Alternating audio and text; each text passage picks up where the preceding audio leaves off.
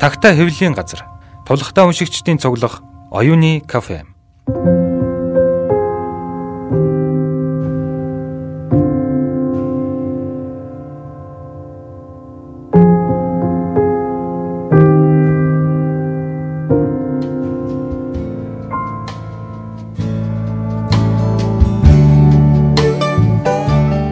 Агта хэвлэн газраас бэлтгэн хүргэдэг Үлдхөг подкаст шин дугаараараа та бүхэнтэйгээ уулзж байна. Бид энэ удаа Нацаг дэржин болон Монголын зохиолч төвлийн шагналт зохиолч Пөрөөж үеийн Баяр сайхан агсны дэлхийн хүн 100 жил үтээлүүдийг хүргэж байна. Өгөөсөн ардын жүжигчин Гомби Аравдан Монгол улсын соёлын дэргүүний ажилтан Банзрагчийн Цэвэлмаа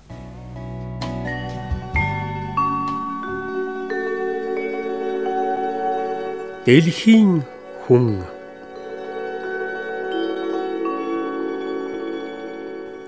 халуун нэрмэлийн хахис одон үнэр болдог толгойн цаанаас ч ханхийн тэнтэв хөгшин манайд ирж идэ гэдгийг чи би андахгүй мэдэн дээ.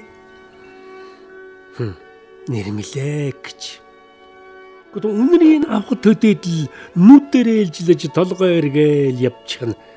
Тэгээд усан дотор хөвж баям шиг л хамаг юм бүртэлцэж бартал заадал хоёр чих рүү элс цутгаж орхисон юм шиг дүлийдэн моргоод л гүнэг л их манарсан тунарсан юм болно. Гэт үнэрлэх төдөд л ингэж байгаа юм чинь бүр уух юм бол ёстой амьдараа гулууз болох байлгүй. Гинхэд энэ томчуудын тэр нэрмэл дуучиргүй дурлах гэж нэ дэндв хөгшнийг өрөвддөг юм хөрхий нэрмэл. Юм бол нэрмэл. Нэрмэл. Гото хөл дорготон ч нэрмэл гэж хөл дорсон юм шиг.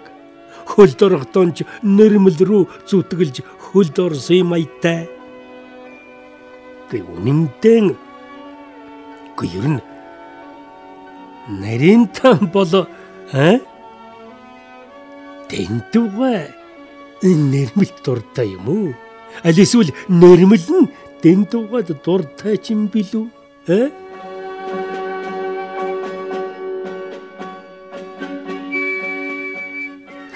Та ч ер нь ингэж байгаад айгуул бол тогооны балга гашин уснаас муж авганцсан ч арилжиж мэддэг шүү гэж ээж маань өвгнийг сайшлуулахад мань хөгшин манай хөх охныхтай учиргүй адилхан наханхан саарлочиг имрэн наг наг инээж ай чавганцэн хэрэг өнгөрөөд жил тойр биш үү Ер нь авхан байвал ч арилжихнаа чи агавда гин. Та ийм л хүндээ хүн ч гэж дээ. Гэхдээ ер нь хүн гэснээс энэ нэрийн нэрж болдгсон бол энэ мань хөгшнөөс лав хэдэн тогоогоорч дутахгүй нилээн сайн чангас арахад гарч мэдх юм шүү. Тэгтэн л би дэндүү гайг хайрладаг юм да хөрхий. Хайрлахаас ч аргагүй хүн. Энэ дэлхийд дэндүү гай шиг ухаантай хүн байхгүй дээ гэж би боддог юм. Гэхдээ би дээр нэг ам төрөгдөж манайд нэг эрэхтэн та салхин дээгүүрэн битгий гараарай. Архины чинь үнэрт толгой өвдөд байх юм гэж хэлж гисэнтэй одоо болтол дотор он харамсаж явдаг. Гү яах вэ хөөрхий? Нэрмлэн уувал ууж халвал халж дуулвалж дуулж уйлвалж уйлж явгалдээ зайлуул хөрх. Тэний дэр би гэж юу юм? Дэн дуган дэргэд. Чи миний толгой өвдөх гэж юу байсан юм юу ч биш. Миний толгой ёстой хатсан хомол. Дэхтэн ямар ч л гэсэн дэн дугай бол дэлхийн хүн Энийг би яста хаанч хэлнэ. Тэ та нар дэндвгэн ярихыг сонссон ч болоосаа Мань хөгшин жаахан халамцаал ирэхээр л тэрнийг л ярин да. Ээ хөөхтүүд минь хөөхтүүд минь энэтэл хийгээд сайхан сайхан ганцхан хүн гэдэг үү? Хм. Та чи муухай да. Шунан, шулан, алан, талан, нүдэлтэн, зодолдон. Бас тэгээд уулас чигэнүү, төр чигэнүү, хэл хязгаар гаал маал чигэнүү юу гэнвэ? Үгүй одоо үллигээ бодож олдог золигнууд байж ухаан санаанд нь энэ үнээс өөр өнгөтэй өдтэй юм аргагүй юм байга да. Хм. Эний дэлхийн хүн амьд тэнчнийг мөрөөрөө а зоргоороо сайхан амьдарч болдгүй юм байх та. Заавал ч үгүй л тэрнэх уулас молос төр мөр гэж байх ёстой юм бол энэ дэлхийд нэг л улс нэг л төр гэж байх ёстой.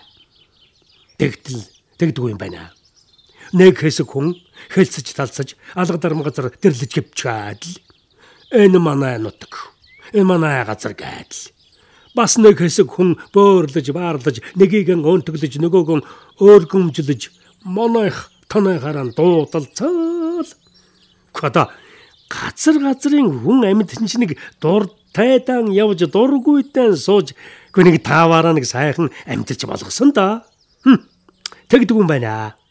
Гэхдээ тэгээд хүн гэдэг чинь одоо ингээл хадуурсан морь шиг тойрч дахиад л байх уу? Бэкснэ заримдаа. Бэ Монгол. Тэр Орос, Жэмо хятад гээд юу юу гэнвэ? Вэ толгой нэргмэрүүд. Үгүй энэ гин ч одоо дэлхийн хүн гэвэл болох юм биш үү, аа? Дэлхий гэж нэг л улс байгуу штэ. Гэдэл ярин шүү дээ. Тэгэхэд нь манай аав өвгнийг цаашлуулж тохуурхан гой. За за тэгдэг юм байж гэж бодоход та ер нь Орос ихнэр авах байсан уу гэхэд маань хөөгшин хэнэгчгүй. За та төөргөн буулж авуулгүй тахөрхий. Гэхдээ тэгээд дэлхий гэж нэг улс байхад чинь хэн намайг чэ Монгол гэдэл хэн эхнэр маань чэ орос энтер гэл байхад дэхөрхи адилхан л амьтны үр юм хойно гэж ирээдэл аваагүй үзээгүй эхнэрэн бөөр авчихсан суужчихсан юм шиг өрөвдөж сон. Ингээд дэндугаа минь үдэш оройхон болсон хойно нэгэн халамцоо манайхаас мордноо. Тэгээд морныхон хоёр тал руу гуйвлан цүдгэр гэдсэнд нь тогжгор толгойгоо нааж гэлдрүүлэх боловч унах бэрдхийг ерөөсөө мэдэхгүй дуулах дан дуулж уйлах дан уйлаад явж отно.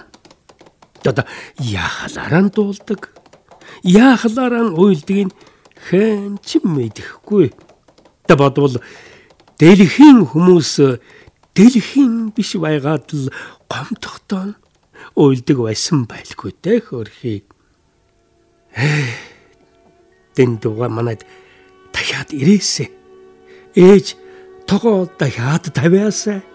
Халуун нэрмлийн өндөрт хэдий дургүй ч гэсэн би дэндугайг манайд ирээсэ ирээсэ л гэж үргэлж бодож суудаг да. Улс олон дэлхий таанч ганцхан юм да.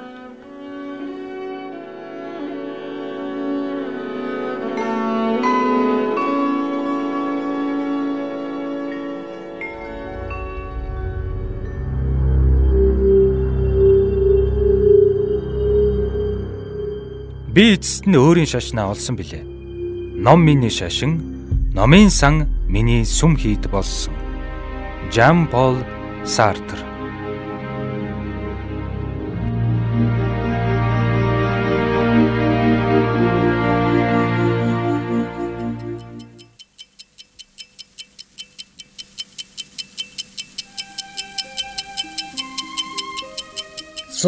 Зуун жил.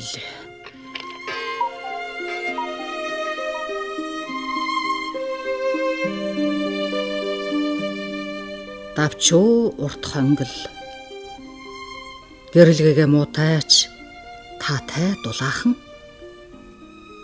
Ер юм бүхэн зүй зогсороо эмнэлгийн газар болохоор аргачихгүй юм.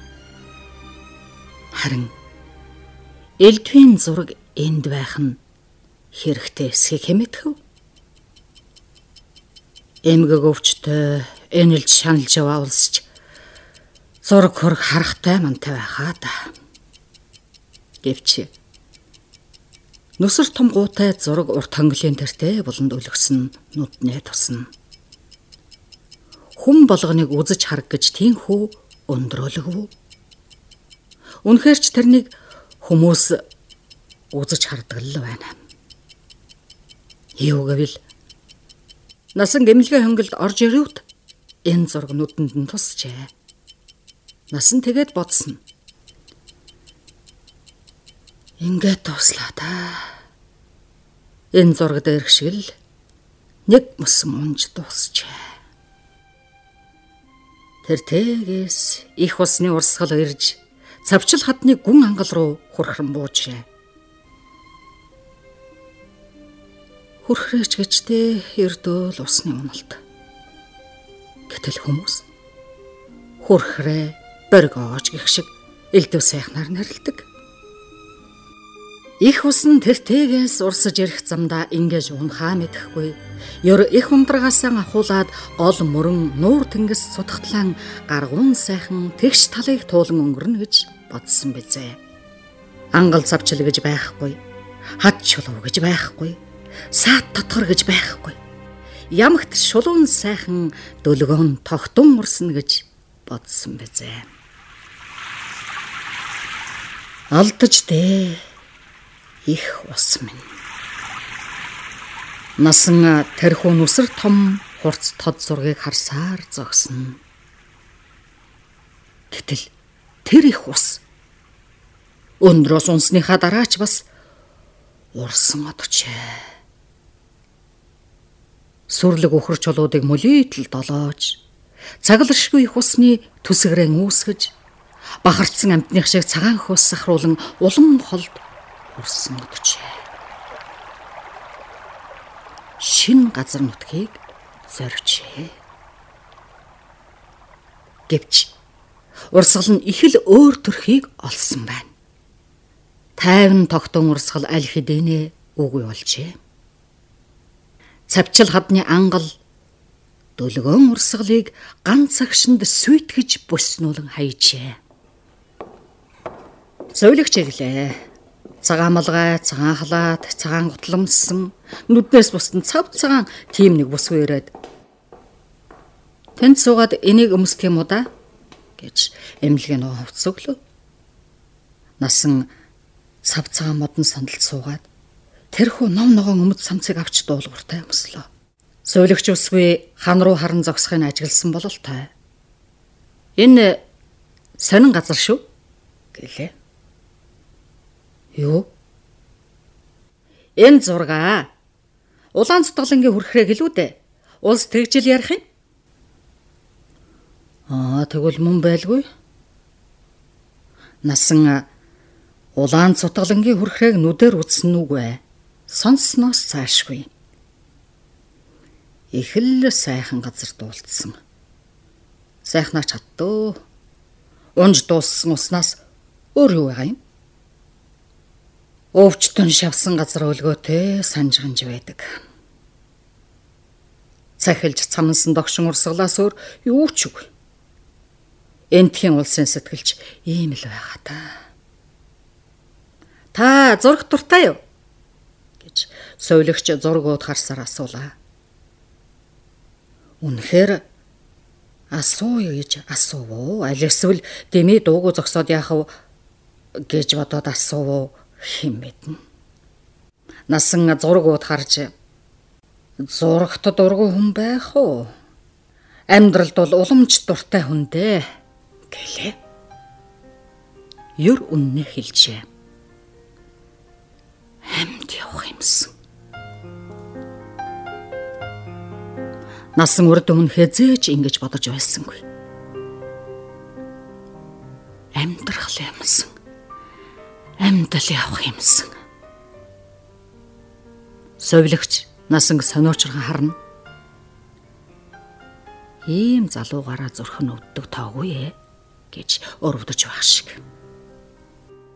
Насан эмнэлгийн хувцсыг өмсөж гүйцлээ. Хамгийн сүүлд хуучин шахаа хөлдөө углж өөрийн памбаруултаа гутлаа зэрэгцүүлэн тавиад одоо яах вэ гэсэн шиг сувилагчуд харлаа. Хоцсонраа гэрэхэндээ өгнө үзээ. Ямар гэрэхэн? Ямар бах вэ? Эхнэр чинь хамт ирсэн байгаа үстэй. Эхнэр үү? Эхнэр ирээгүй. Насан уг нь хэн ирэхвдэ гэж хэлэх гэсэн боловч гэнэт юу боллоо гэж эдэнд хамгаат очих үлээ гэж бодоод дууг боллоо. Хамт арх хүн үнэхээр байсангүй. Эхнэртэйсэн болж ирэх нь эрхэл байсан байх. Гэтэл гом би гозон толгой явсаар байдаг. Яагаад тэрв? Яваандаа болох үсттэй гэж тайван ууж явдаг байл. Нам тайван л амьдарч ирлээ дээ. Ястай л их усны урсгал мэт. Гэтэл тэр намун дөлгөн урсгал гинт тасархан тэр. Цавчил ангал руу нисгэн тэр. Үнэхээр зүрх өвдв гэж юу? Зүрх өвдв гэж эхлээд итгэсэнгүй. Одоо бол итгэхээр барах. Аргагүй болоод эмнэлгийн хаалга татж байгаа байлгүй. Зүрхээр нь хүчтэй хатгуулan өвдлөө. Насан ихэд ярвэж энэ намайг халан шүү гэлээ. Сөвлөгч тэрнийг тоосонгүй. Хонголдох жижигхэн цагаан хаалга тэгш зааж Тэнд няр би хувцас өгөөд ирэхээс үштэй. Гэр орныхан чи ирэхгүй бол өөр яах вэ? Орон доороо хураалтай биш. Эмлэг шүү дээ гэлээ. Эмнэлгийн яруу гэж туранхай өндөр зэгзгэр хүүхэн байна. Эмнэлгийн газрын хүн байж эндээ эмчлүүл цэвлүүлээд махалж таргалж болмоор доо гэж бодогдно. Яравта гадуур хувц сунраа баадагнаж өгөөд гарахад нэг л жигтэй сонин. Ухаан бодол харь хүний хайтай. Ингээд өмсгөл зүйлтэй тушаачдаг байна эргэж авах өдөө үсттэй. Зүрх гэдэг ямар мухар олгоо биш. Халтар гэдэг нутгийнх нэг хөгшин санагдлаа. Эрт нэрээд хөгшчүүлтэй хуучилд суухтаа зүрх дэлсэд нэг л биштэй гэж тоомсоргүй ярьдаг байсан. Гэтэл тэр бэр бодлогоо өнгөрсөн дүүлсэн. Тийм уужуу тайван хүн Ч өнгөрчээ гэх ганц бодол турж тарих толгойд нь улам бат тогтно. Өнгөрчээ. Совлогч насан дагуулад явлаа. Эмнэлгийн чулуун шилтэй бачуу хонголд хүмүүс санснаас олон нав ногоон өмсгөлтнүүд нааш цааш хөлхөн. Өвчин эмгэгтэй сэтгэл шаналаад тэнхүү холигцгоод үйц. Ханы том толны өмнө махлагд сулцгар бүсгүй зогсоод нүд нүрээ шинжиж байлаа. Хавдар фодгүй хачин юм да гэж ганцаараа гахшин. Хавдар хавдар зүрхнээс болж хавдаж хөөхөн бий гэж найз эмч нь хэлсэн. Аз болж нүүр цараа арайч хавнаж хөөгөөгүй байна. Гэхдээ ч утахгүй л тээ. Өсгүй эмнэлэг тарж хэд хоног эм тарилга шахуулсан боловч хавдар нь харьсангүй бололтой. Насан явут бодсон. Мод ингээд л толны өмнө зогсох болно. Нүд нөөрний шинжээч болно доо. Зурх нь зүсэж байгаа юм шиг өвдөн. Тасаг торвол эмнэлгийн гимээргүй хариугүй умгарж жаахан өрөө төмөр толгойтой ор игнүүлжээ. Совлогч хүүхэн тэрүүхэн үүд тушаах сул ор руу дохоод Энэ үн дээр унтанда гэлээ. Тэр нь энэ үн дээр нүд анинда гэсэн шиг дуултлаа. Хуучин өвчтнүүд шинэ өвчтөн орж ирэхийг анзаарахгүй. Тасгийн мухрын орон дээр шахацланд суугаад нэг их чухал зүйл ярилцсан. Буурал толгойтой хөгшин бүхтийн суугаад ярих юм. Хөх хомоол сайн, адууны хөх хомоол түүгээд үз. Битүү шатаагаад үнсийн зураа тавихад амтай. Энэ үнээс сайн юмгүй хараарай. гэн. Харин тэгж бодоод л байна гэж үсээ гялаят л хусуулсан хөгшин хэллээ. Бодох юмгүй хүн хэлээд байхад. Нэрэ бодоод бодоод бодон шир төрөв. Чи эндээс гаравтаал хөдөө яв. Эхнэр чинь хэд хоногч гэлээ майжган жил явг л дээ. Эзгүй талд адуутай газар хомоол хаа мунтах уу гэж бас нэгэн зөвлөлөө. Заавал хөдөө гэх юу? Энүүхөө хотын цахад гараад л Хэрэггүй хот газар дэми юуны хөх хомоол байх вдэ. Хотын газрын адууны басыг хор гэж мэдэрэ. Өөр байх уу? Өөр өөр. Ялгаа байлгүй дээ. Юуны тулд хот хөдөө гэж. Ихэнх нь өгсч хүлээж шаам. Манай чаган золоон жил өвдсөн дөө. Одоо эвэрүүл үзье гэсэн ч өвдөх юмгүй гэж буурлаа өгөн итгэлтэй хэлнэ жинхэнэ хавдар байсан уу? Эмчилгээгүй л гэсэн юм да. Тэгсэн чинь юу нэ эмчилгээгүй байх вэ? Одоо эвэрүүл явж байна. Адууны хөх хомоол түүгээд үзгэж хүн хэлсэн. Үзээд лалдсан. Зүв болсон доо. Одоо эрүүл сатгалан сайхан л явна хөөхий. Тэрнээс биш. Залуугаараа явчих байсан өө. Дараа нь хүүхдээ ч гаргасан. Хүү охин хоёр байна. Өчигдрийн хүү юу? Юу гинэ? Өчигдөр таныг эргэж ирээд явдаг хүү юу гэж байна. Аа тэр хүү чи яг мөн. Хүүгээ магтсанд өвгөн бүр урам орж.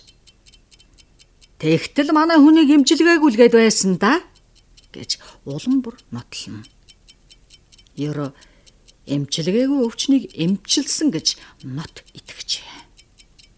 Энэ үеэс Өөдөн шүдний нэг алтан шармал бусдаас арай залуу өвчтний хэлхэн. Гочоогой аан гэж бай. Юу? Аан гэж бай. Аа.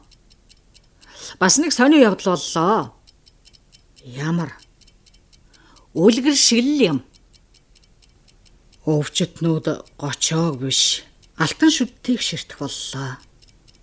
Нүдэн цагаан унах чинь адгийн золиг юм аа. Нүдэн дунсан цагаан нүхэн дунсан охтно гэд тийм да. Тэрнийг хэмэдэхвэ. Тамлаа тайчихдаг өвч юм.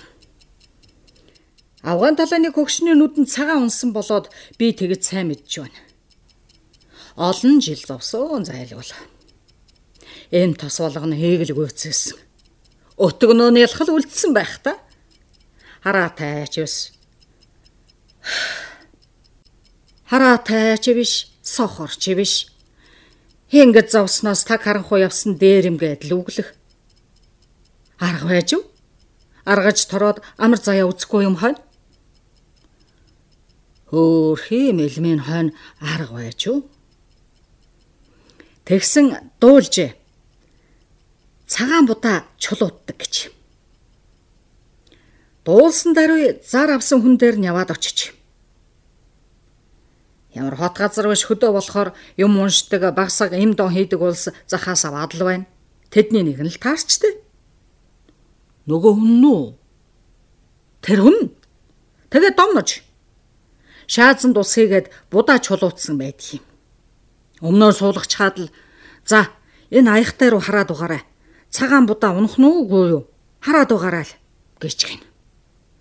Тэгэл хараад л байж Устай шаазан дүүртэл будаа шитж.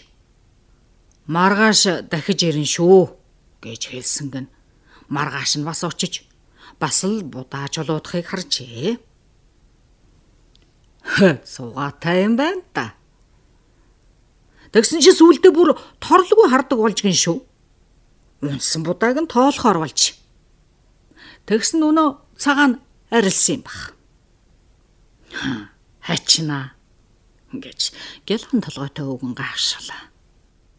Нүдний цагаа чинь энэ аяганд байгаа гэж нөгөө хүн хэлсэн юм гэнлээ. Будаатай аяган дуу. Тэглгүй дээ. Үнэхээр сугараад унах шиг л санагдсан гэж тэр өвгөн ярьсан шүү. Одоо тэгээ амьд уу? Амьд үлгүй яах юм? Улсын сайн малчин болж од медалж авсан отгоолой гэдэг өвгөн бэ. Дом ножтэй. Дом дом өөр юу ах вэ?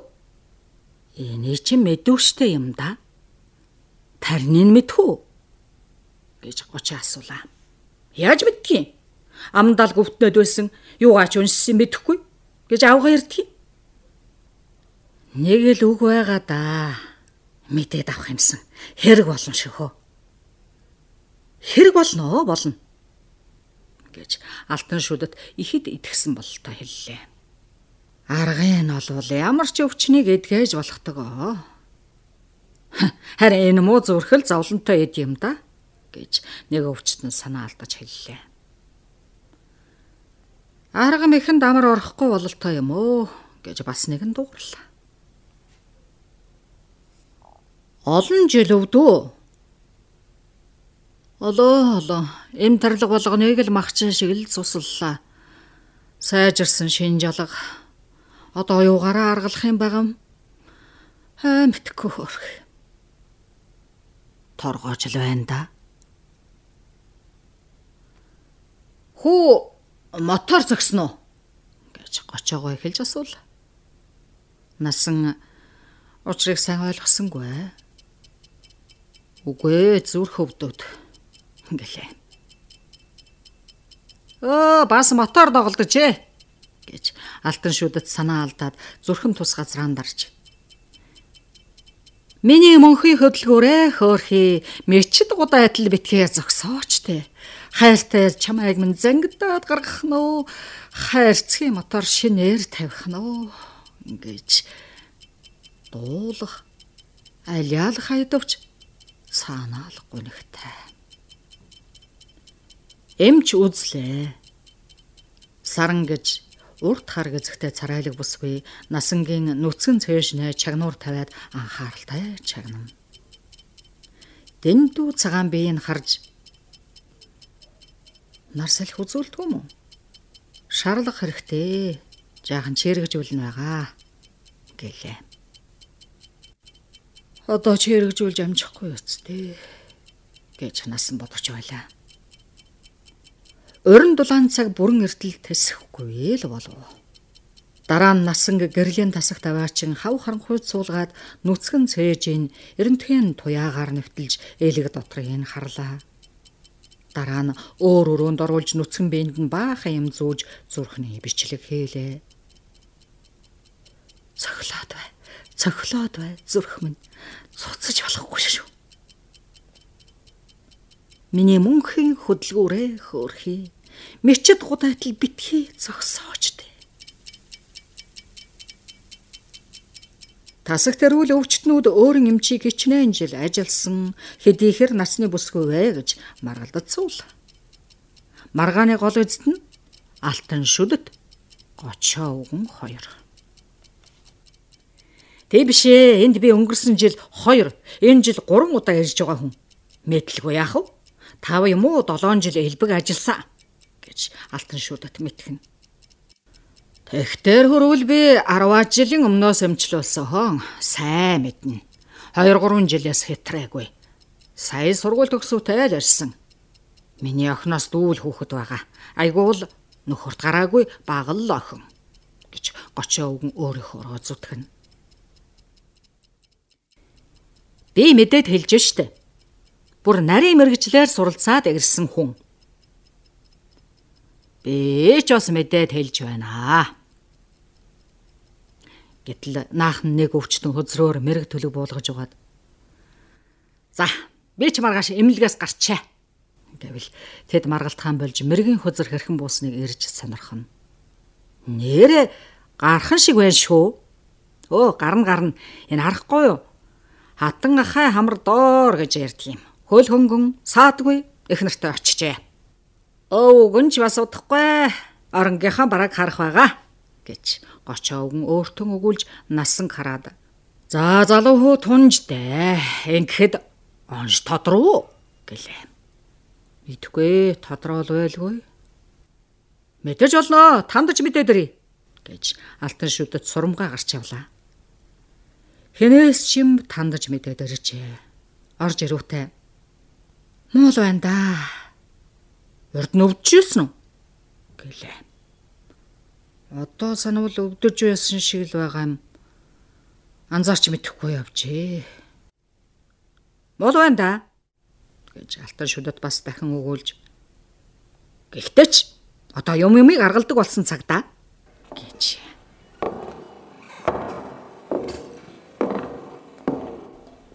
Насан эмнэлгийн хонглоор арай их явж байлаа. Ширүүхэн л хөдлөвл тамир баргадаж унах юм шиг санагдана. Аюулхай цохиж тарих дүүрчээ. Чих шүүгэн. Зүрх хүчтэй авалцах нь ерөө яавч хэв юм бэ шээ. Одоохондоо л бүсрэх гэж байгаа юм шиг санагдчих байлаа. Тэр тэд их усан асгарна чих шуугах нь хүрхрээ бууж байх шиг. Тэрхүү ханын зураг тийш нарийнхан хонглоор урсах их усны зүг явж байхад унаж сүйрхээр явж байгаа шиг. Одоохон бяц унах юм шиг. Улаан зүтгэлэнгийн хүрхрээ шуугна дусч. Хонголд цонхоор нарны гэрэл тусчээ. Хавар цаг ирж байгаа юм шүүд. Одоо гата сайхан байгаа да. Сайх Азгүй амтнаа би. Насан ухаан орлоо. Хаана байгаагаа мэдсэнгүй. Нэг санавал зүүдлээ цэрэг шиг, нөгөө санавал унтаж амрах зурн таньж мэдэхгүй газарт өргөж дамнаад ирсэн шиг. Дүрлээс хоёр нүд өөрлөн ширчээ. Цагаан малгай, цагаан халаад үзэгдлээ эмч ирчээ. Нэрээ би имлэгт ирсэн штэ. Сөүлэгчийн дохиж зангаж үлсэн өнөөх урт орон дээр хэвтүүлж тэ. Харин хэдийд ингэж эвтэйхэн хэвтүүлснийг мэдсэнгүй. Гэтэл эмчийн араар тод ногоон өмсгөлтэй улс хөлхөлдөн. Бууржгар шар халмигтай эр эмчийн хажуугаар болтолцох нь мөнөөх алтан шүдэд. Насангийн дотор пал хийж нүдэ анлаа. Өнөөх их аюул занлыг мартсан байна шүү. Ингэж мартаж болдог байх нь. Тийм бол бүрэн мус мартах юмсан. Эвээр үл явах юмсан. Эх хөрх. Бүрэн мөсөн үгүй болж л мартах үсттэй. Алтан шүдэд дахиад л булталцлаа. Шүд өвдөхөд суглаад авч болдог байна засаж, шинчилж, бүр гойж, гоодорч болдог байна. Тэгвэл зүрхийг суулаад авч болдгоо. Сольж, шинчилж болдгоо. Унж тусдаг хуучтай хүнээ дээ гэж нэг хүн хэллээ. Нүдэнийх нь харуу. Би ч өнгөрлөө л гэж бодлоо шүү. Хэ тийм дуутай чангундаг энэ бүх толгой юм аа гэж бас нэг нь гайхшин өгүүлнэ. Унжээ. Ухаан алдсан байх нь. Зүрхний тасалдал гэдэг нь болж ухаан алдсан байх нь. Утгагүй гурмсан тасрагч юм байл үү? Зүрхэн чагнавал өнөөх айхтар дэлсэлж дэлдэж байсны уул мөрч үгүй. Цээжний тэртээ гүнд дөнгөж цохлох аятах нь бүдэг бадаг. Миний мөнхийн хөдөлгөөр мичид төгтөл бүү зогсооч те гэж алтан шүдтийн дуулж байсан санагдана. Бүү зогсооч дээ. Дуулуулч дуулж, уйлуулж уйлах цаг боллоо. Урд нь ингэж дуулж уйлж явсан биш дээ. Эмч бугыг натгаж судасныхан цохилтыг үзнэ. Насан эмч рүү төгшөөртө гордонгүй харж байла. Эмчийн үгийг хүлээн. Энэ үг л хувь заяаг нь шийдэх мэт. Гэтэл эмч таг дуугүй. Насан алтан шүдтэй хэлснийг санаж байлаа. Тэрнийг мартаж чаддаггүй. Үнэн хотлыг дуулахаас нааш сэтгэл яахан амархав. Эмчээ гэлээ. Сүүлчийн үгээ өөрөө ч бараг дуулсангүй. Маш чухаг нэг зүйлийг чандлан нууцгайлсан шиг шивнэх төдий хэллээ. Тод чанга хэлвэл зүрхэн дэл бүсэрч хэмшиг санж хэллээ. Тэгтэл эмч сонсчээ. Гайхаж. Юу гэнэ? Ямар хилэнцгийх нь? Хэн тэгж байгаа юм? Гэлээ. Гор итгэл төржээ. Эмчийн үгэнд баг зэрэг тайтгарлаа. Тэгтэл бас түр зуур боловч тайвшрагдэ гэж тэнхүү хэлсэн юм биш байгаа. Хуурч мэхэлсэн ч юм биш байгаа гэж бодогдлоо. Тийм явдал эмлэгт бол буурч энэ үхэнд. Эцгийг өөд болоход мөн л тэгсэн бэлээ. Сумын төвөөс эцгийн аймгийн эмнэлэгч хилжүүлэн хэвтүүлсэн юмсан. Ийм л залуухан эмч таарсан. Эцгийнх нь би хянуур үзэж эм тарлах хийж байхдаа гайгүй өө алцахгүй шүү. Та ер нь сайхан тэнхлэн биетэй хүн юм уу? гэж байжээ. Гэвч дараа нь насанд хэлэхдээ хүндэрч ихчээ. Баахан дор орчихж. Мэлсэл хийхээс өөр яах вэ? Тэгтэл ийм бэ даахгүй. Тэсгүй бол хэцүү. Тэнхрүүлэх юмсан гэжээ. Эцэгт нь тэнхрэх цаг мөч олдсонгүй. Нас өндөр болсон хүн тийм амархан тэнхрэх үү те? Ёро хүний аз гэж бий. Тэгвэл бас эзэж гэж бий насан аз эзэн завсарт хавчуулагч. Хадны завсар хавчуулагдсан халиуны зулзаг хөөрхий гэж дуулдаг юмсан. Дуутай мантай да. Өдрийн хугас өнгөрлөө. Ер нь газар дээр дахиж олон өдрийг үзэж харна гэхэд итгэл тун баг. Хоол явахгүй гэж улс олон ярилцдаг хоол явахгүй болчихв. Эндэрч ташаарв. Тэгвэл яагаад унж очиж ухаан алтна вэ? Зүрх дахиад л дэлсэн бөмбөр дэлдэж байгаа юм шиг. Эмнэлгийн эргэлтийн өрөөнд орвол зэгсэн ууж уу сарвуулхан шим. Суудаа ирээд дуудуулжээ. Дундуур нь шилэн хаалт усгсан урт ширээний цаа талд сууж байлаа. Насан ширээгээ тохиолдоод суулаа. Шилэн хаалт тэрнийг суудагаас тусгаарлана. Ер нь хинч гисэн зах заагтай өөрийн гортыг дотроо аж төрдөг байна. Ажимдралынхаа энэ гортгийг хумж агшвуу гэж насан бодлоо. Улмал унлаа. Насан дуугүй суулаа. Юу ярих вэ? Зүрх зогсох цаг мөчөө хүлээд суугаа гэлтэй биш ойрхон залуухан эр юм хоёр суугаад ярилцсан. Охиныг нааш нь өрөөлж хэрэггүй эмнэлгийн газар тийм юу ч вүлээ. Ээж залуу хэллээ. Тэрнийг охин ойлгохгүй л д. Уйлахаас өөр юмгүй.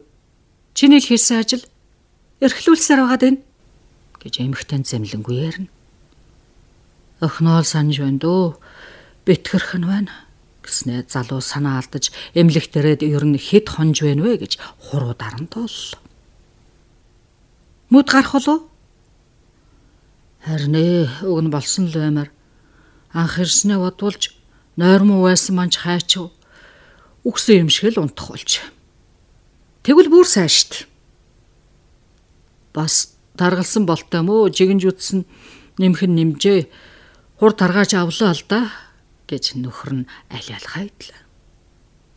Залууг харвал махалж таргалсан гэхэргүй туранхай нэгэн. Эмлэгтэрээд махалж таргалж үхсэн мэт бүх хүнддэг болсон залуу тэгээд их нэртэйгэн аж амьдралаа ярина. Инглээ, тэглээ гэдэл өчигдөр өнөөдрийн сонноос дэлгэн. Соннооч чаддоо ер энэ тэрхэн ойр зурхны ил явдлууд энэ яриаг сонсох хүсэл насанд байсангүй. Гэвч сонсохгүй суугаад байж бас чадахгүй бололтой. Дахиад имээр сонсооч үгүй ч үү? Бэтгэртлийн санах үртэй хүн энд суугаад ярилцаж байна шүү дээ. Насан хэнийг санаж боддгоо мэдэхгүй. Бэтгэртлийн санах хүн би билүү? Эмч үзв гэж сувдаа дугарлаа. Үзлээ. Насан суудааг харж одоолаас сундаа гэж бодлоо. Зүрх дахиад л дэлсэж оволцсон. Гарын хуруунууд нь чичирч байлаа. Тайван бай. Саруул тунгалаг ууж өө бай гэж эмчээ хэлснийг санаж байлаа. Санаад санаад яах вэ? Өрөөлийн зүрх аваад цэежнийх нь гүнд суулгаж орхисон юм шиг. Тэр нь тогтож байж чадахгүй хамгийн зад татаад гарах гэж байгаа юм шиг улам хүчтэй оволцсон. Жаахан намждагч болоосай. Жаахан тайтгардагч болоосай. Насан урт амьсгаа аваад нүрэн илж суудаг гарлаа. Эмч тэгээд юу хэлв гэж одоолаа сунда. Би бүр эрт ирэх байлоо. Эмлэг андуурч өөр тийшээ очиод гэж сууда хэллээ. Сууда эмлэг твцэн даруйд нь л насан гэргэх ёстой гэсэн шиг өөрийгөө энд заавал ирэх ёстой хүн гэж бодсон шиг ийн хэлжээ. Насан тэрнийг эргэлзэнгүй харлаа. Хар хөндлөнгийн бүсгүй хурч ирж ингэж хэлв гэж юу? Сувда өөрлөө анхааралтай харж байлаа. Яагаад энд ирээ юм бол тоо гэж гайхаж төгссөн байдалтай харж байлаа. Зүрх нь оволцтол цохилох нь намдаж жаахан тайтгарлаа. Эмлэгт ирсний минь яаж мэдэв? Мэдсэн дуулгүй яах вэ? Суда ялгүй нямсгална. Чи юм да. Суудад хэн тэгж хэлж өг. Насан суудад сэтгэл бодлоон дэлгэж явсангүй. Ажил төрлөлөг эцгээхээс биш аж төрлийн тухай ярилцаж байсангүй. Ер нь хамт ажилдаг тийм л нэг танил болсон. Эмчлүүлсэн зөө. Та дэндүү ядарсан. Хавар болохоор хүн улам л ядардаг. Тэгтэл та биеэч тоодгүй. Энэ муу. Эмчлүүлсэн чинь л зөв. Харин заавал энд зүрх судасны тасагт эмчлүүлдэг нь ямар учиртай юм бол доо гэж сувда хэллээ. Энэ рүү өөргөс орсон юм байлгүй гэж насан тоглоом хийх санаатай хэл. Тэгтэл зүрхэн үнэхээр өөргөс хатгсан юм шиг час хэн хатгуулan өвдлөө. Сахилгаа утас явуулах уу? Хааш нь? Хөдөө таны ижид Эсвэл мэдж байгаа уу? Мэдээгүй. Хэдэд амжих вэ? Энд хэвтүүлчих юм гэж сансан чгүй. Насан эхийгээ санлаа. Дүү нараат санлаа. Ахыгаа хотод жаргалтай суудаг гэж тэд боддог үз. Жаргалтай ч жаргалтай л сууж байлаа. Төрөө намраа ээж нь хотод орж ирсэн юмсан их хүүгээ байшин суудсан сууж гайгүй алба ажил эрхэлж гайгүй цалин хөлс авдаг болохыг нүдээр үзээд бутсан юмсан. Миний хүүд одоо юу дутуу гэх вэ? Эхнэр авчихвал ижийн бүрл гилаахан тэр. Хот газрыг ижийн ямар мэдэх вэ штэ?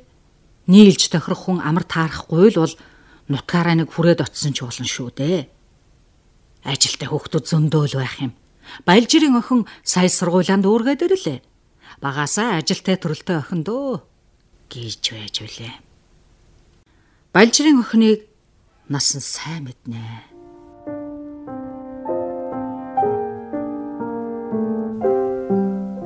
Сурагчдын дотор байрна 10 жил хамт сууж, сумын сургуульд суралцсан улс чинь бие биенээ мэдлгүй яах вэ?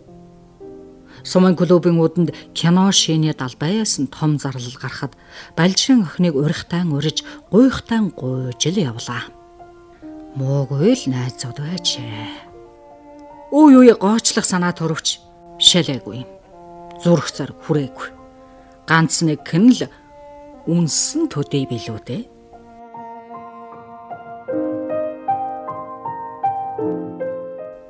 Сумын төв нүдэнд нь үзэгдэж клубын гадах киноны моторын дуу сонсдог шиг боллоо. Уран дулаан шин сарны туяа газар дэлхийг цайлгаад насангийн гинт үнсгэд цочиж иртсэн балжрын охин оюун Сурагчдын дотор байрлал нүрээ дараад гүйж явах шиг. Дунд сургууль төгсөх жил ямдаг 10 жил өнгөрчээ. Ёор уулзаж учирсангүй. Одоо оюун малын эмч болцоход нутаг усандаа явж бий. Сумын клубын хүрэнд үнзэн байшин хараад эрт өмнөхөө явдлыг дурсан сандаг болов үгүй болов. Баг насны тухай нэхэж боддгоо ч байж болох юм. Насан ч бас урь цагийнхаа явдлыг ор тас мартжээ. Мартахч гэж дээ сэргээж дурсаж байсангүй. Гэхдээ оюун цээжнээ хаан нэгтэй хадгалагдаж явсан байлгүй яах. Намайг нэхэн санаж гансрах цаг ирнэ хэмээн хүлээж байсан чим билүү? Насан ийхүү эмлэх дээрээ багнасаа дурсан санхан тэрэ Нутагтаа арч төрж оюунтай хайлт суусан бол өдийд ингэж эмлэх тэрж зүрх тарих өвдөж ухаан алдаж унах байсан уу? Үгүй л байхаа да. Эвэрүүл инээж наадаж явах байсандаг. Эмлэх твтлээч оюун ирчгээд яав ив гэж асууд сургална. Эхнэр хүн гэдэг их өөр байх вэ? Насан нутаг усаан баг насаан санж ижиг эм бодон айл эрт мартагдсан оюуныг бодож суулаа. Нутагтаан очих юмсан гэж тун их хүслээ. Замын машин цугаад очиж явах шиг. Хундайн дөрлж дээр гартал сумын төвд харагдана хөөрх. Уулын бэлдэх жижигхэн суурин яасан сүрлэг том харагдана. Нутагтаан очих юмсан. Сумын төвд алхаж явах юмсан нүцгэлж шалдалж байгаад тунын голд шумбах юмсан. Оюуныг олж уулзах юмсан. Оюун ёр таних болов? Аль эсвэл мартсан уу? Одоо ч нутаг нудаа очих цаг өнгөрсөн биз дээ гэсэн бодол төрж байлаа. Оройтчээ. Хожуу хойно ухаарч дурсаж байна та. Эмнэлгээс гарах цаг төдгүй ер дөнгөж ирээд байгаа хүн тэр тухай санаад ч яах. Дэмий санаашрахаас өөр юмгүй. Дэмий гуниглахаас өөр юмгүй. Насанд урд хамдрал нь хиндэж, юундч огт хэрэггүй, ямар ч утга учиргүй өнгөрсөн юм шиг санагдлаа. Эмчилж сойлуулад эвэрүүл болчих юмсан гэж ихэд хүслээ. Тэгээд урдхаасаа огт өөрөөр шив шинээр айч төрөх болно санж сарваа хүнтэй битгэртлээ санах үр хөвгтэй болно. Насан санаалдлаа. Суудата харц мөргөлтлөө. Бүсгэнүүд юугаа бодов дээ гэж асууж байх шиг. Суда улам ихц харж урд нь та өвддөг байсан уу гэлээ. Юу лээ? өвдөж байлуу? Эмнэлэг твцсэн удаа биевлүү? Хажууд нь хүмүүс мөн л ярилцсаар байлаа. Бусдын ярианд саад хийхгүй гэж баг шивнэлтэн. Нөгөө бүсгүй энд өдөр бүр ирж нөгөө нөхөртөөгөө шивнэлдэд сурсан бололтой. Цаадуул нь өргөдлөө бичээ дэр гэж бас өргөдлгээд байгаа шүү. Халахта хөрвөл өргөдөлтөө өргөдөлгүй халж л орхин штт. Гэхдээ бүсгэн дүү жаахан шангарлаа. Хаалгалтий. Шүүхэд мэдвлэхгүй юу? Тэнд амархоо учрыг олно гэж нөхөр нь аяархан хэллээ. Юмны түрүүнд гомдол зараг голоод яах вэ? Хан байна да. Дүүдэ хэдэн үг хэлээч. Толгойд нь бодуул л та. Тэгэлгүй бас л энэ ажлаасаа гараад өөр нэгийг хийх хэрэг гарна. Дандаа ийм явах уу? Хүний уг дуулц сурах хэрэгтэй үсттэй. Залуу хүн сууршилтай гэд бүсгийн дуулам аяархан нам дуулж нөхөртөө дөнгөжл дуулдах төдий ярина. Ажил тогтдгүй нэг дүүдээ сэтгэл зовнин тийм ярилцсан байлаа. Насан бодлогошрон гуниглна. Сууда эвгүүрхэж за би явъя да гэсэн ч тэр даруйда босоод явуулгүй насанг хариу хэлэх болов гэж хүлээн. Тэгтэл насан явбалж явдаа гэсэн шиг дуугүй сум. Сувдаа босож би цахилгаан утас явуулнаа. Ээж чинь дуулгасан мөн та зөвшөөрөх үү гэд хариу хүлээлгүй үүд чиглэлээ.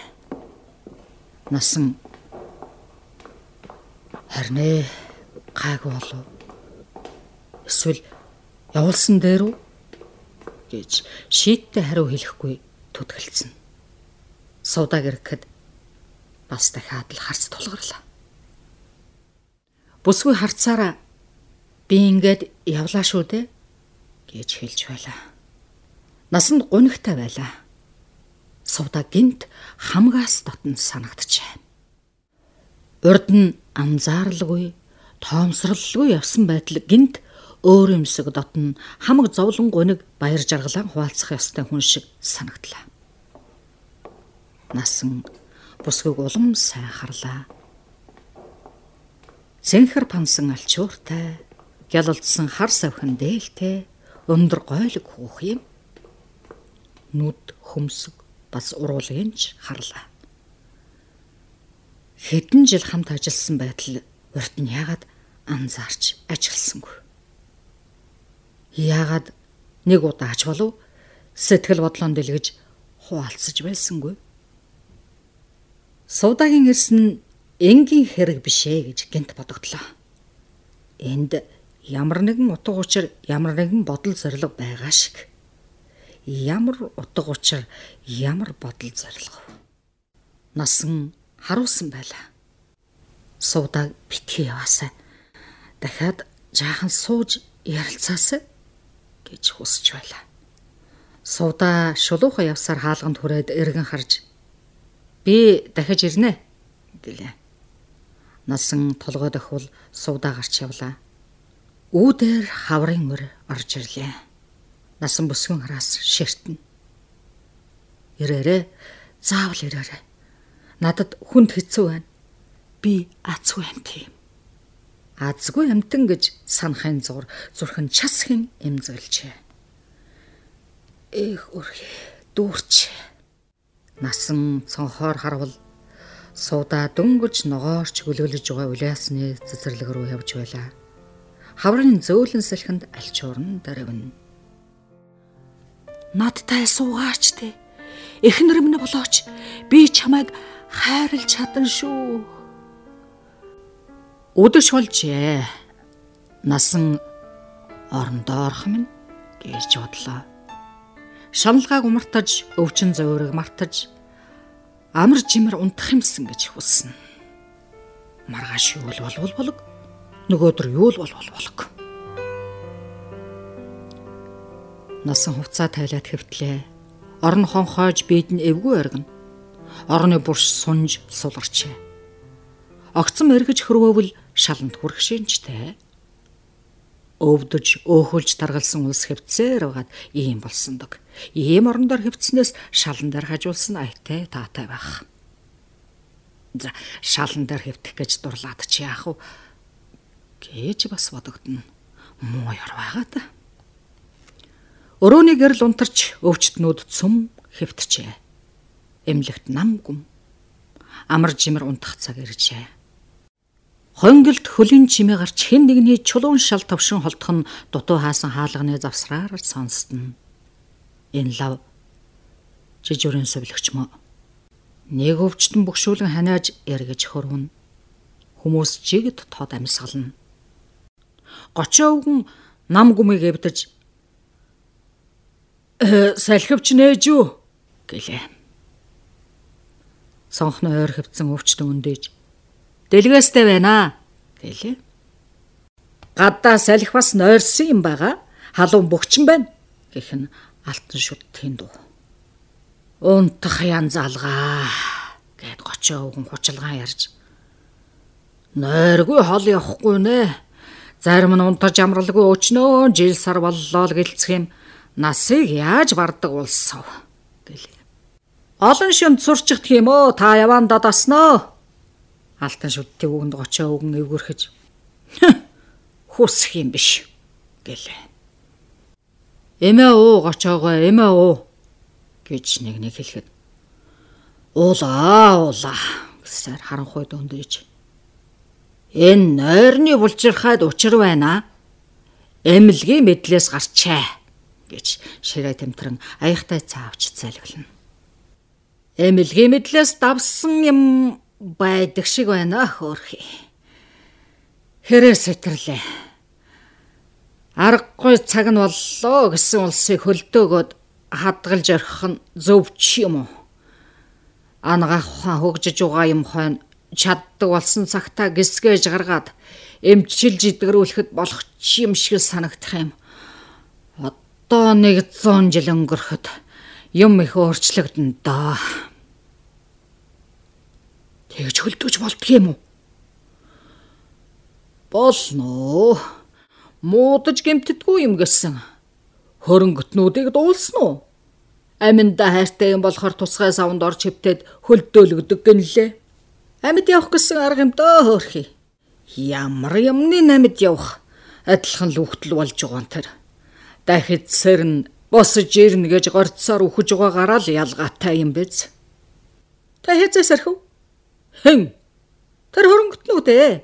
Өөрсдөө хөлдөөлгөд хэвтдэг гэсэн мэддээ. Хэзээч сэрхгүй. Молго үхүүлэхгүй юу? хөлжих санаатай тийм нэг башин зал зөхөөгод хөрөнгө мөнгөнд завшиж угаан тэр. Ярэ олныг хамарч хүмүүсийн нойрыг хүлж ажээ. Ер нь тэд оронд орж гэрэл унтраагаад элдвийг ярьж хөөрсний эцэст унтаж заншсан улс юм. Насангээ нойрч мөхөрдгөө. Айл улсын эмнэлэгт чүлээ хүнийг тэгж хөлдөөж хадгалах нь байдаг.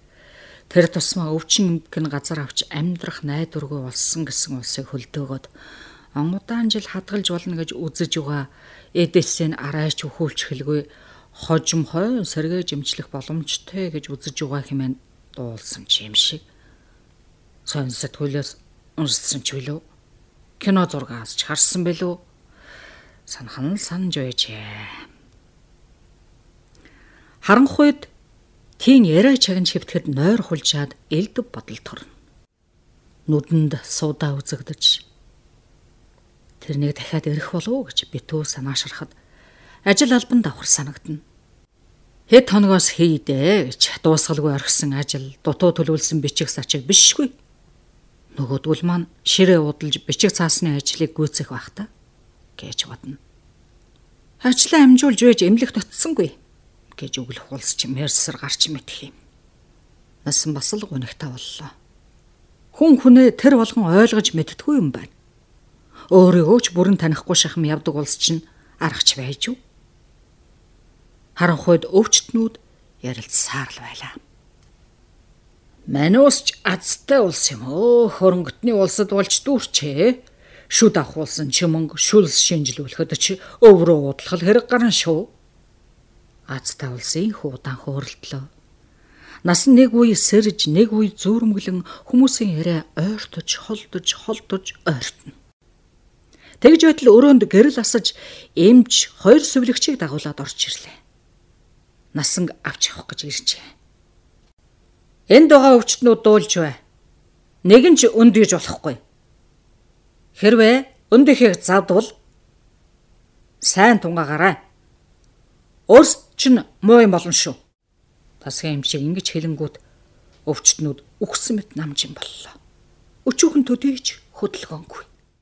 Сайн байна. Эмч гараараа дөхөхөд хоёр сувлагч насанг орноос нь босгож эмнэлгийн дамнуургад архивтүүлээд авч явахыг завдлаа. Хаан ихтэй орны бүрш шажгинлаа. Хэн хөдлөв? Алтан шүдэт чи юу? гэж тасгийн эмч ууртай ширэн асуулаа. Салуухнаар айхтар ууртай хүн болчихжээ.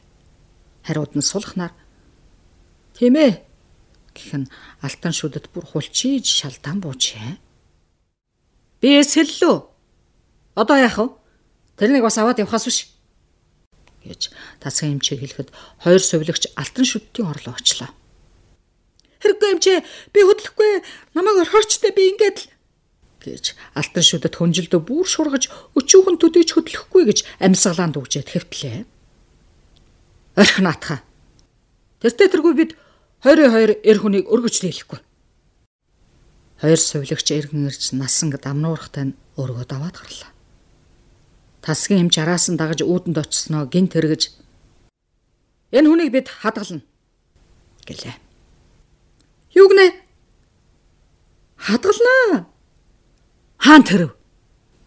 Өвчтнүүд өндийнх нь өндийж босхон босоод ирчээ. Дасгийн эмч гэрлийн унтраалга дарж тэнд хадгаламжийн газарт өөр арга алга гэлээ. Ингээд насанг аваад явхан тэр. Эмлэгээр нэг үмэн шууган боллоо. Тасаг тасгаас өвчтнүүд гарч хонглыг дүүргээд араас нь дагчаа. Чимээгүй нөхдөө. Хамгийн гол нь чимээ шууган гаргахгүй байхыг хүсье. Өвчтнийг тайван байлгаач. Тэгэхгүй бол хадгалж болохгүй гэж совилогч учралж байлаа. Насан энийг дуулсан мөртлөө нам тайван хэвтээд яваага өөрөө ч гайхаж байлаа. Тэд явсаар хөндөй хоосон их хөрөөнд орж ирлээ. Насан өрөөний дунд авчирлаа. Энд хадгалнаа гэж эмч хэллээ.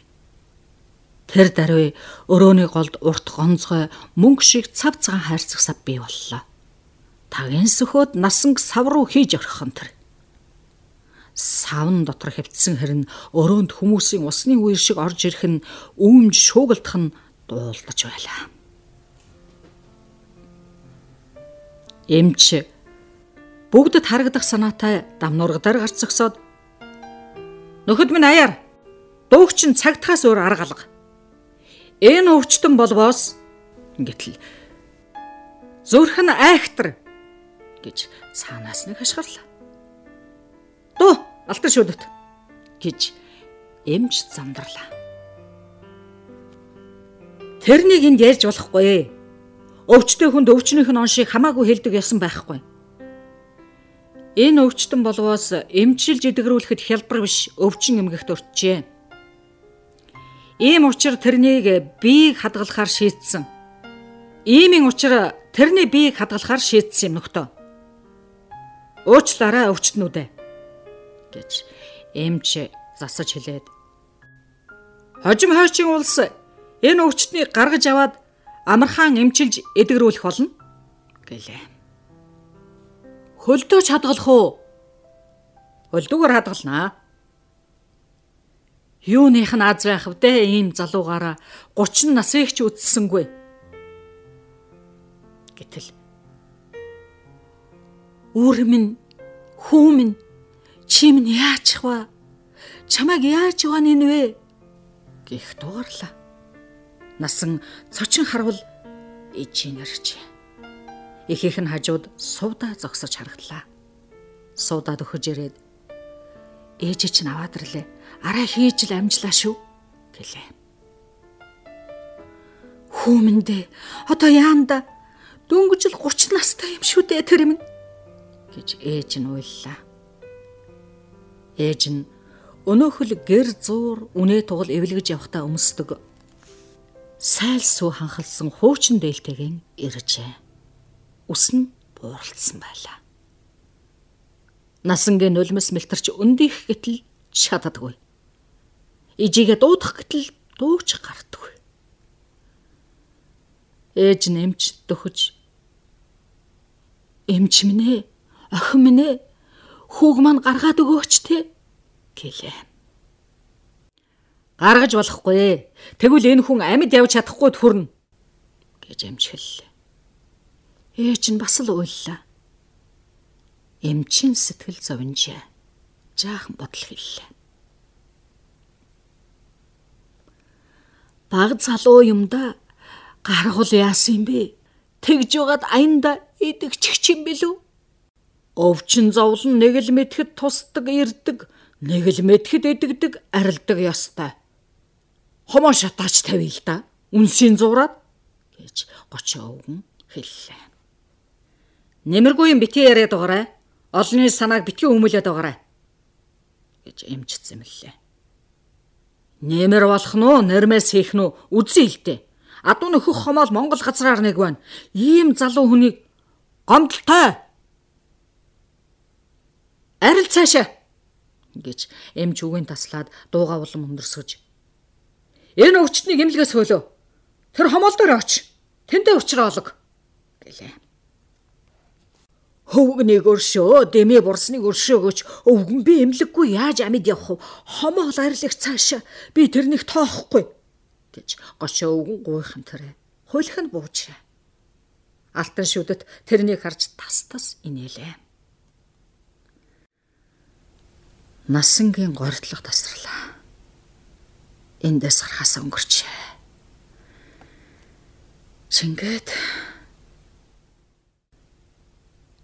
Ээж минь ээ хүүгээ аваач те гэж үгэлж байлаа. Би өөх дургуун шүү дээ. Чи өөхгүй чамайг хадгалж байгаа юм. Ердөө 100 жил болоод л эндээс гарна. Тэгэхэд их юм өөрчлөгдсөн байна. Чамайг дорхноо итгэв гэж эмч харгалаа. Ээжийг нь суудаа түшин авчаа хүүг минь өгөөчтэй гаргаачтай би тэсэхгүй би 100 жил яаж хүлээх юм бэ? Гаргаач ээ өгөөч ээ гэж хүмүүс шуугалтна. За яг хоо гаргая л да харин энэ хүнд эрүүл зүрх хэрэгтэй байна. Хаанаас олох вэ? Хэн өгөх юм? Эмчи үгийг дуулаад бүгд чимээг боллоо. Хинч дуурсангүй. Ичэн үгүй Миний хүү ээжээс аав. Ээж нь яах вэ? Намайг хадгалж орох хүү минь гарг. Болохгүй.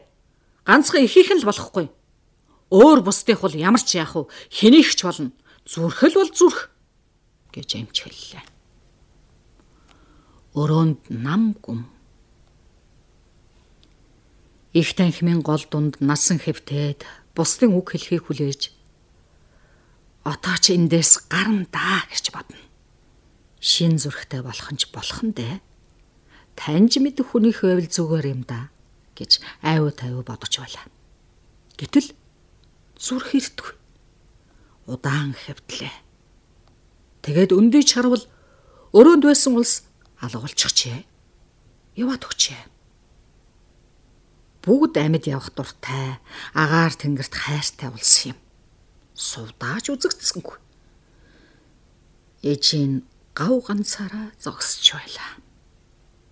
Ийм л байна да. Одоо цаг алдаад юу хөө? Удаж болохгүй, аюултай гэд эмч өөрөөсөө эмнэлгийн бичиг гаргаж одоо би шийдвэр уншина гэж. Ингээд тасгийн эмч шийдвэр уншихын дэр. Ээжийг нь хоёр сувлагч түшээд зогсож байна. Их нь хариуг унах нэ. Тасгийн эмчийн шийдвэрийн сүүлчийн хэдэн үг ээжд нь онц тод дуулдлаа. 100 жил хадгалсавай. Эвэдэ хүрмэндэ миний хүү жоохон байхдаа 100 наслна гэж ярих дуртай. Өвөө болох дуртай. Тэгж тоглодог байсан. Үннээсээ хэлдэг байсан юм. Эвэдэ үрмэн Миний хөө гэж ээж нь уйлж байлаа. Нэг сувлагч ээжд нь дуулдахааргүй аяархнаар эхэлхүү гэлээ. Эмч толгой дөхөж хөргий гэлээ. Нэгтээ моторын дуу хурж өгнөж эхэллээ. Насангийн хөлөөс хүй торглоо. Удалгүй хөлн хөрөөд гол руу нь хүй торглоо. Тэр нэг хөл дөөж байлаа. Миний хүү жоохон байхдаа 100 наслна гэж ярьдаг байсан. Миний хөө гэж ээж нь дуудаж байлаа. Өрөө дахиад л хүмүүсээр дүүрчээ. Сувдаач эргээд ирчээ. Насан харанхуй хөлдөө савнд мөсөн дарагдан хэвтээд уйллаа. Нулимс нь урсаж гараад хөлдөж мөс болно залуу минь уужуу тайван бай да. 100 жил юухан байх вэ гэж хэмж хэллээ. Хүмүүс өрөөнөөс гарцгаалаа. Бас л ижийн ганцаараа өвдлээ. Хижийн хүүдээ зүрх холоод ирье. Их нь гарч бужигнсан олны дунд орлоо. Зүрх холдох болов уу гэж гортно. Гэтэл хүмүүс эхээс нь зүхтэн зайлна. Сувдаач ээжд нь ойртохгүй холуур дөлж явна. Миний хөө жоохон байхдаа 100 наслна. Харанхуй нүмерч эх нь үзэгдэхийг байж дуунч холдлоо. Насан хамаг хүчээр шавхаж орь дуу тавилаа. Эмнэлгийн үүдэр нэг бүсгүй орж ирлээ. Гартаа торон сав барьжээ. Чихэр жимсгэлсэн байлгүй. Торон савнаас бас сонин сэтгүүлж цохвэн. Урчрын ард өөдөөдөөс хараад ярилцаж суусан хоёр эрийн нэг нь бүсгүй ууд гарснаа торон савын айчлаа. Нэг сонины дээд талд насан гэж татлаган бичжээ. Бүсгүй явсаар Дотор хаалганы хажууд байх жижиг цонхоор шагааж, эмнэлгийн тасгууттай холбосон дуудлагын утасны дэргэд сууга настай эмэгтэйд хэдэн үг хэлээд эргэлээ. Ширээний нэг буланд торон савтайгаа тавиад савхин дээлнийхээ халааснаас жижигхэн тойл гаргана. Хаврын сэлхэнд хээсэд задарсан үсгэзгэн толинд харж засаж янзлна. Хаврын хураа тэнгэрээс болж хацрат нь ялимгүй сэвх тодорчээ төдөлгүй. Жижиг цонхоор хүний нүр цухигаад танаа хүн алгадаа гих дуугарлаа. Бүсгүй очлоо.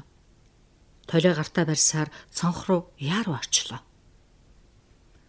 Алгадаа охин минь байдгүй гараад явчихжээ гэж тэрхэллээ. Ийм түргэнүү сайхан л хөвдсөн хүн штэ 10 чоноогүй байна. Тэгвэл ч бүрэн сайн. Өвчнгөө хүн байж л дээ. Сорил аваа шинжилээд үүсгэр мэдэгдэн. Эрүүлхэн байдаг юм. Эрүүлхэнд орхноол гарчихдаг юм. Одоо ч хоногтоо л оншилдог болсон цаг. Манай амьлагт сайн хүмүүс ам сайтай л байдаг юм. Өглүүтэрээ төл дөрөө босоод явсан улс би. Зарим нь бас эргээд ирэх юм оо. Гашин улс залглаад явхаар яаж өдлөх вдэ. Тийм улсыг эмчилмээргүй санагдаад байдгийн. Урамгүй ч юм. Эмлэг болохоор одоо яах вэ? Хэр баргийн улсыг сайхан л болгоод өгөх юм. Ачийн марчих улс бас байх юм аа. Танай хүн эдгчхэд гарсан юм байлгүй дээ гэж авгаа цонхоор нүрээ цуйлган ярьлаа. Их яриасгүй юм. Харин наад бүсгүй нэг л итгэж өгөхгүй байх шиг. Энэхэн үнэмшихгүй байна да. Цаад ээр нөхөр ухаантай шүү юм нэмэлгээс гарсан мөртлөө орон гертэ хараагүй яваа золигоо да гэж бүсгүйг хараад бодлоо. Нэг бол эмчтэй уулзноо. Би юу? Авгаа дотор хаалганы төгжээг муталж нааш ороодор гэлээ. Сувда явж орвол цагаан халаад нөмрөглөө. Тийшээ яваарай. Шулуун яваад зүүн тийшээ эргээрээ тасгийн эмчгээд бичээстэй би. Сувда заасан зүгт нь явлаа. Сайн асуугаарай. Манай эмч сайхан аштай өхөн би. Сайн жимч. Саяда бас айхтар хэцүү бэрх хагалгаа хийсэн гинлээ. Энэ л эмнэлгийн ухаанда анх түрүүнийх нь болж байгаа юм дгүү да. Ном сониндч нэр нь орсон хүн. Асуухаар бүгдийг хэлээд өгнө гайгүй. Эрүүл хүн бол хэвтээд яах вэ? Гарг гарг. Ажлаа л хийж явг. гэж авгаа араас нь ярьсаар байлаа. Бүсгүй зүүн тийшээ эргэлээ. Урт хонголд орж очлоо. Гэтэл хан дүлгсэн сүрлэг жаацтай зураг нүдэнд туслаа. Пэ ямар сайхан байглав гэж бүсгүй дуулдлаа.